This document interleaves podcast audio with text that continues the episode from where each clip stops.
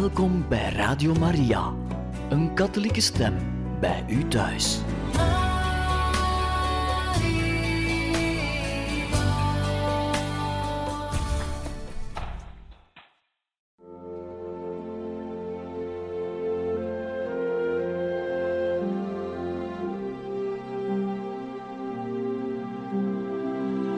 Beste luisteraars van Radio Maria, welkom bij het programma Catechismus. Een overweging bij de geloofschat van de kerk.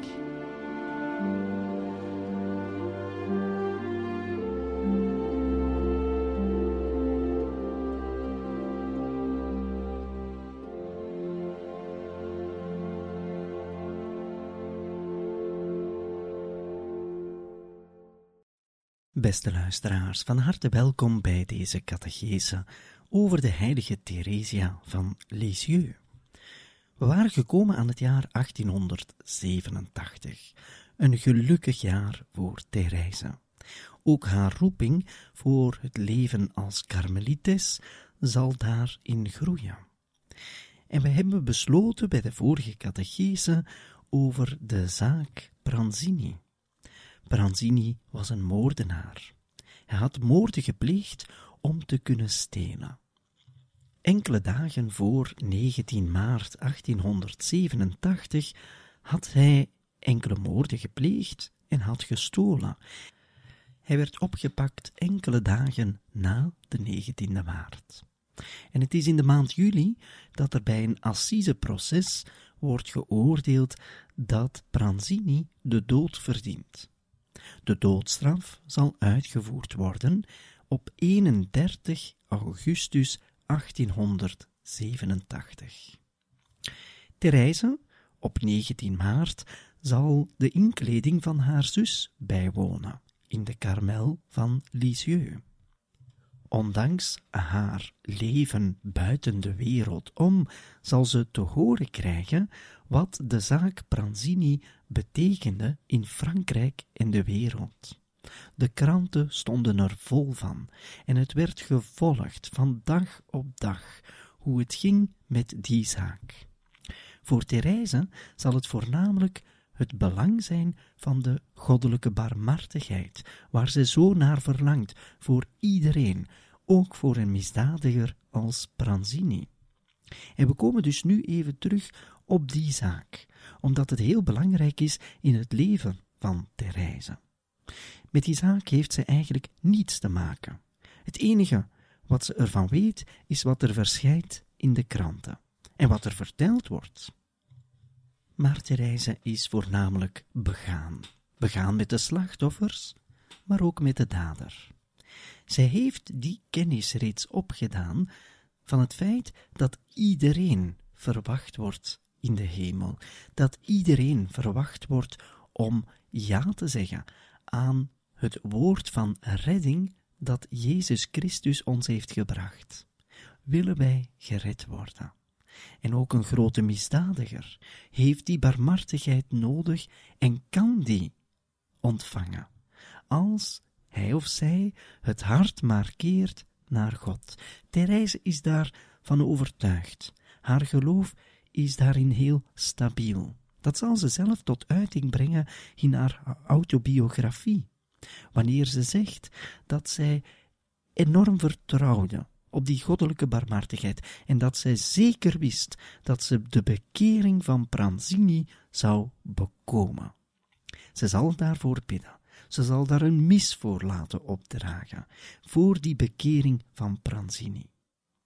Wij weten, achteraf, dat de almoezenier van de gevangenis, waar Pranzini aanwezig was, heel veel gesprekken had gevoerd met Pranzini. Pranzini heeft heel zijn leven verteld aan de almoezenier. Hij heeft nogthans geen gebruik gemaakt van het sacrament van de bicht.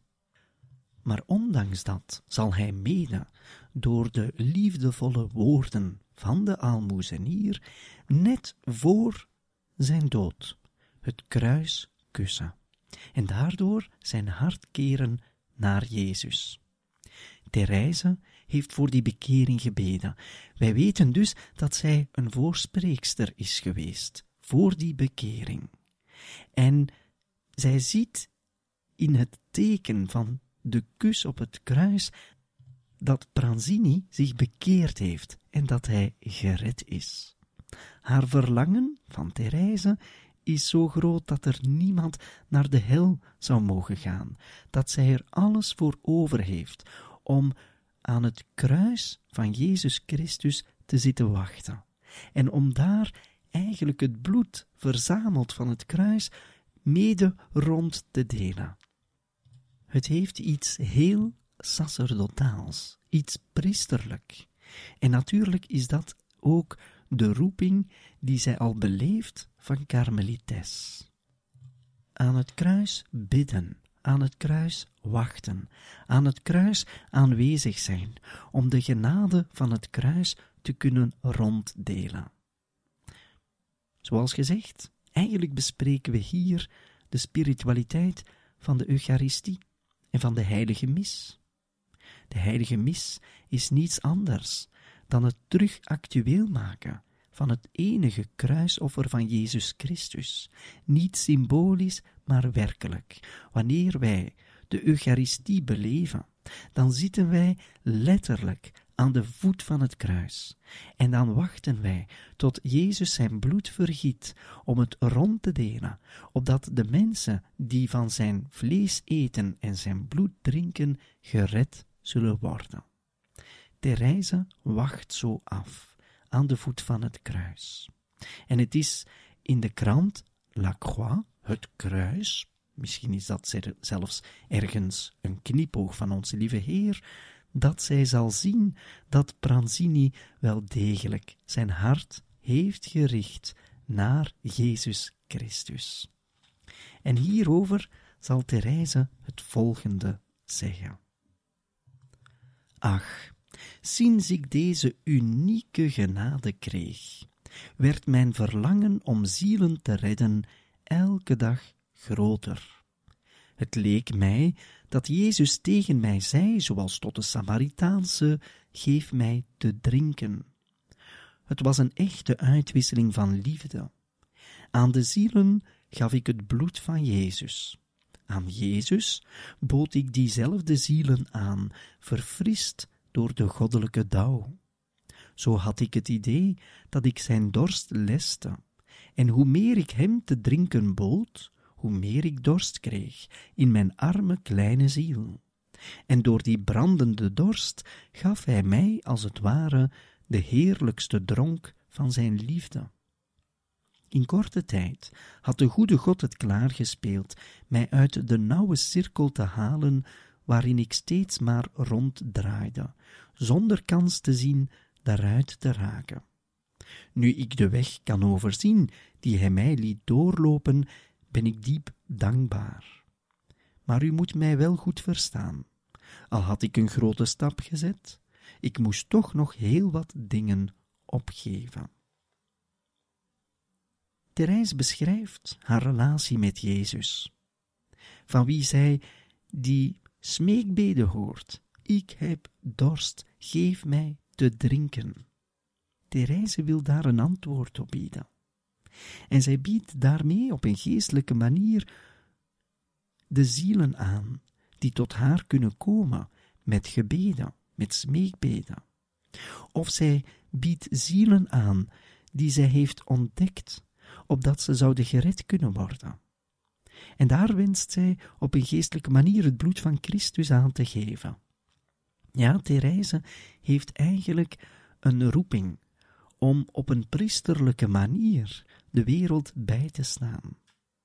En hiermee bedoel ik niet het priesterschap als het ministerie van het priesterschap vandaag uitgeoefend door vele priesters, nee, maar wel op geestelijke manier, zoals wij in het doopsel de roeping hebben ontvangen om koning, profeet en priester te zijn.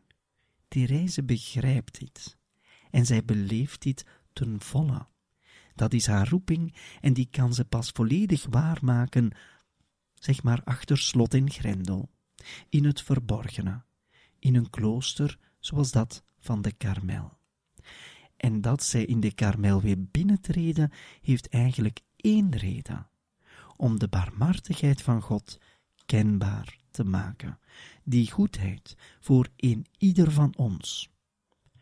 Of we nu criminelen zijn zoals Pranzini, of gewone mensen die proberen hun best te doen, we hebben alle nood aan die barmhartigheid van God. En Therese maakt ons die kenbaar door haar gebed en door de voorspraak die zij zelf geeft door aan Christus de zielen aan te bieden die gered moeten worden.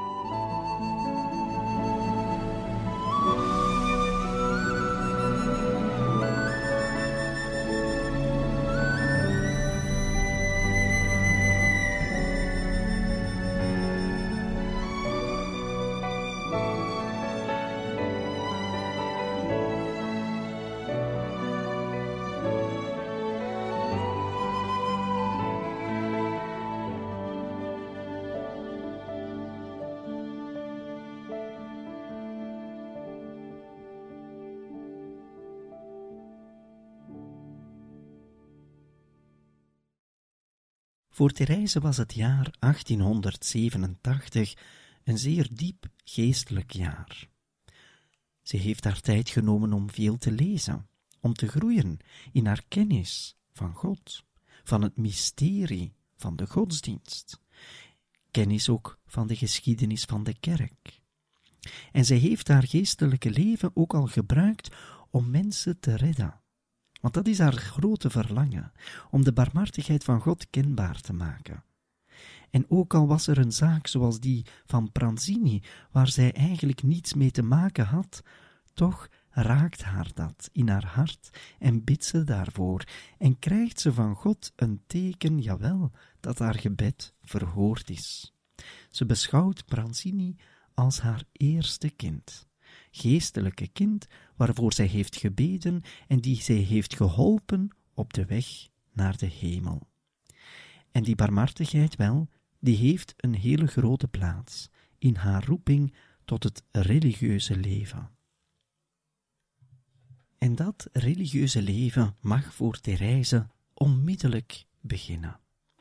Maar daarvoor heeft ze natuurlijk toestemming nodig van haar vader. Ze heeft er reeds over verteld aan de twee zussen in de Karmel. De oudste zus Marie was erop tegen. Ze vond dat Therese te jong was. Pauline heeft enig begrip voor het verlangen van Therese, maar ook zij vindt dat er eigenlijk misschien nog wat gewacht kan worden. Zelf denkt Therese er anders over. Ze wil trouw zijn aan de roepstem van Jezus en ze wenst daar zo vlug mogelijk een antwoord op te geven. Eigenlijk verlangt ze in haar hart om te kunnen binnentreden met kerstmis 1887, een jaar na haar volledige bekering, zoals ze het zelf beschrijft. Maar de vader moet zijn toestemming geven. Met die vader is het ondertussen een beetje bergaf gegaan wat de gezondheid betreft. We weten dat hij in 1886 een lange reis heeft gemaakt. Die lange reis heeft hem zeer vermoeid. En het is op 1 mei 1887 dat Louis Martin een ziekteaanval ontvangt. Hij wordt geparalyseerd aan de linkerkant van het lichaam en kan vanaf die dag moeilijk spreken. De dochters, ook degenen die in de Karmel zijn, zijn zeer ongerust. Voor Therese ook wel een teken om niet te lang te wachten met de vraag aan haar vader om te mogen binnentreden in de Karmel. En ze gebruikt daarvoor eigenlijk het liturgische jaar. Ze zegt, en wel, het is op Pinksteren dat ik de vraag officieel zal stellen. Pinksteren, de dag van de Heilige Geest, dag van de inspiratie, en ze bereidt zich daarop voor. Het is op zondag, 29 mei, dat zij de aanvraag aan de Vader zal doen. Het verlangen van Therese was natuurlijk al langer gekend bij de Vader, maar toch is er een grote emotie. En we laten even Therese zelf aan het woord. Céline werd reeds in vertrouwen genomen over mijn worstelingen en mijn tegenslagen. Zij trok het zich evenzeer aan alsof het haar eigen roeping betrof. Van haar kant had ik geen tegenwerking te vrezen. Maar ik wist echt niet hoe ik het moest aanleggen om het aan papa te vertellen. Hoe kon ik hem spreken over zijn koningin, hij die zijn drie oudste dochters al afgestaan had? Ach, wat een innerlijke tweestrijd heb ik niet moeten verduren voordat ik mij moedig genoeg voelde om erover te spreken. Toch moest ik een besluit nemen. Binnenkort zou ik veertien en een half jaar worden. Nog maar zes maanden waren mij van de mooie kerstnacht verwijderd waarop ik besloten was in te treden. Hetzelfde uur waarop ik het vorig jaar mijn genade had gekregen. Om hem mijn gewichtige vertrouwelijke mededeling te doen, koos ik de dag van Pinksteren uit. De hele dag lang smeekte ik de apostelen om voor mij te bidden, om mij de woorden in te geven die ik zeggen moest. Zij waren het toch die het schuchtere kind moesten helpen, dat God had voorbestemd om apostel van de apostelen te worden door het gebed en offer. Pas in de namiddag, toen wij terug waren gekomen uit de avondgetijden, vond ik de gelegenheid om met mijn lieve vadertje te praten. Hij was aan de rand van de regenput gaan zitten en daar keek hij, met de handen over elkaar, naar de wonderen van de natuur. De zon, die haar felle gloed had verloren, vergulde de toppen van de hoge bomen, waar de vogeltjes vrolijk hun avondgebed zongen. Het mooie gezicht van papa had een hemelse uitdrukking. Ik voel dat de vrede zijn hart vervulde. Zonder iets te zeggen ging ik naast hem zitten, met mijn ogen al vol tranen. Hij keek mij heel hartelijk aan, drukte mijn hoofd tegen zijn hart en zei toen: Wat scheelt eraan, koninginnetje? Vertel het me maar. Toen stond hij op, alsof hij zijn eigen ontroering wilde verbergen. Hij liep langzaam voort, terwijl hij mijn hoofd steeds tegen zich aanhield. Door mijn tranen heen vertrouwde ik hem toe dat ik zo graag in de karmel wilde intreden. Toen voegden zijn tranen zich bij de mijne, maar hij zei geen woord om mij van mijn roeping terug te houden. Hij merkte alleen op dat ik nog wel erg jong was om zo een ernstig besluit te nemen. Maar ik verdedigde mijn zaak zo goed dat papa met zijn eenvoudige en rechtschapen aard al heel gauw overtuigd was dat mijn verlangen was ingegeven door God zelf, en in zijn diep geloof riep hij uit dat de goede God hem een grote eer bewees, door hem zijn kinderen te vragen.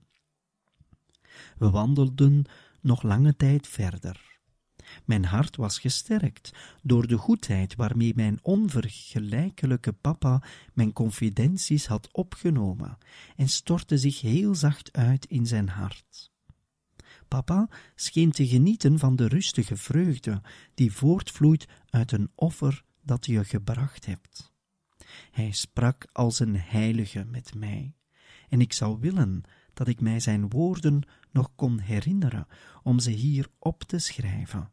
Maar de herinnering die ik eraan bewaar is zo intiem dat het zich niet laat weergeven. Wat ik mij nog volmaakt herinner, was het symbolische gebaar dat mijn geliefde koning onbewust stelde. Hij ging naar een lage muur toe, liet mij kleine witte bloemen zien die op lelietjes leken, plukte er een van, gaf die aan mij en legde mij toen uit met hoeveel zorg de goede God het had laten ontstaan en het had bewaard tot op de dag van vandaag. Toen ik hem zo hoorde praten, dacht ik dat, ik naar mijn eigen levensgeschiedenis luisterde. Zoveel gelijkenis bestond er tussen wat Jezus gedaan had voor die kleine bloem en voor de kleine Therese. Ik nam dat bloempje aan als een reliquie en ik zag dat papa, toen hij het wilde plukken, alle wortels had meegetrokken, zonder die te beschadigen.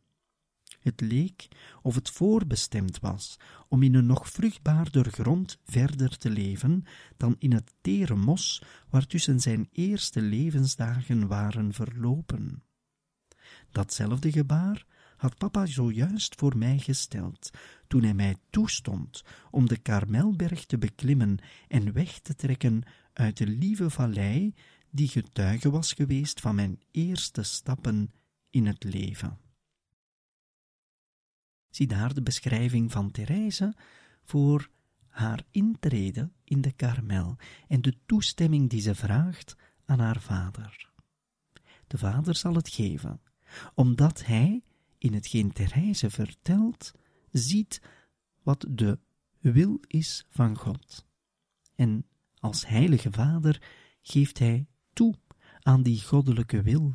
Zo heeft hij het reeds gedaan bij de andere dochters en zal het nu ook doen voor Therese, ook al is ze jong. Maar hij ziet dat Therese geroepen wordt, niet later, maar nu.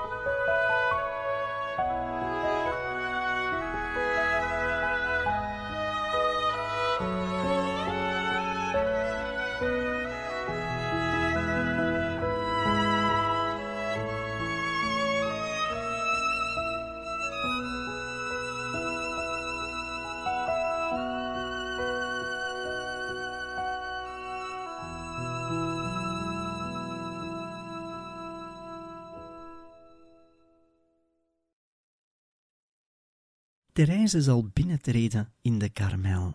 Ze heeft de toestemming van de Vader. Maar natuurlijk wordt de roeping van Therese ook nog beproefd. We hebben haar relaas voorgelezen, die ze heeft opgeschreven achteraf, en die spreekt over een lelie, een bloem, die groeide uit de grond en waarvan de Vader heeft gezegd dat de goede God ervoor had gezorgd. Wel, die bloem zal ze altijd bewaren. En niet zomaar. Ze zal het bewaren in een boek, in het boek van de navolging van Christus.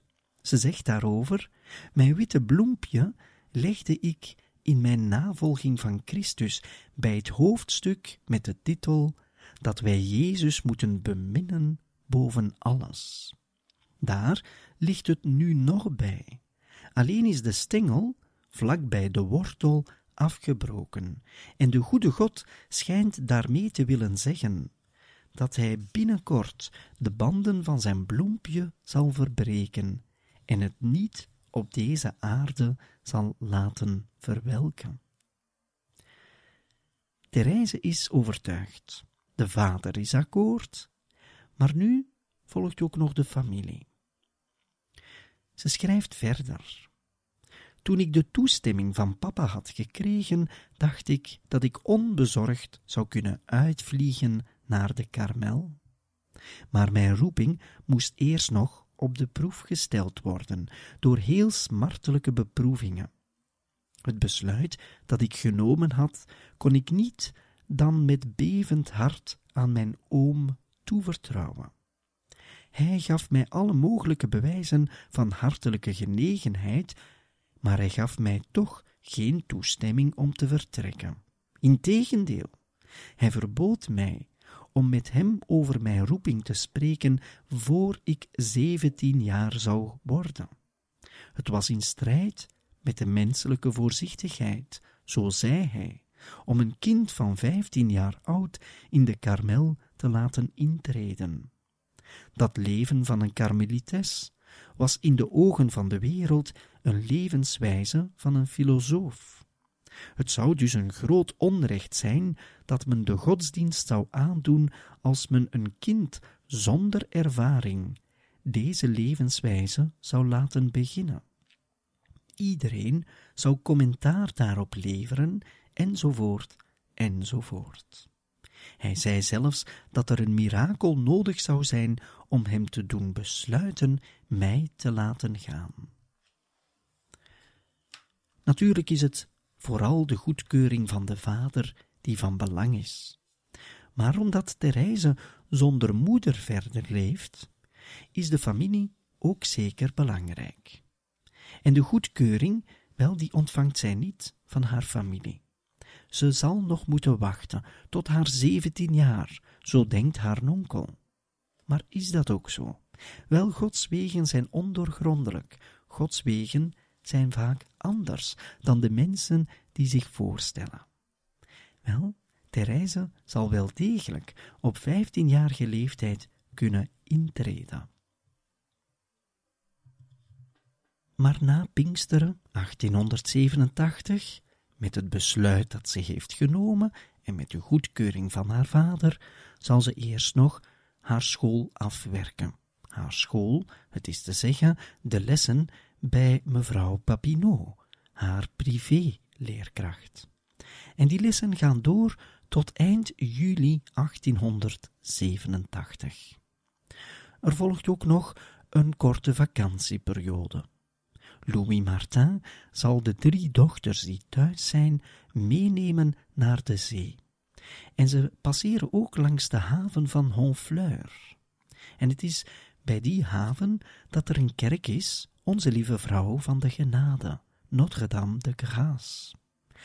Het is waarschijnlijk zo dat Therese in die kerk ook haar roeping heeft toegewijd aan onze lieve vrouw.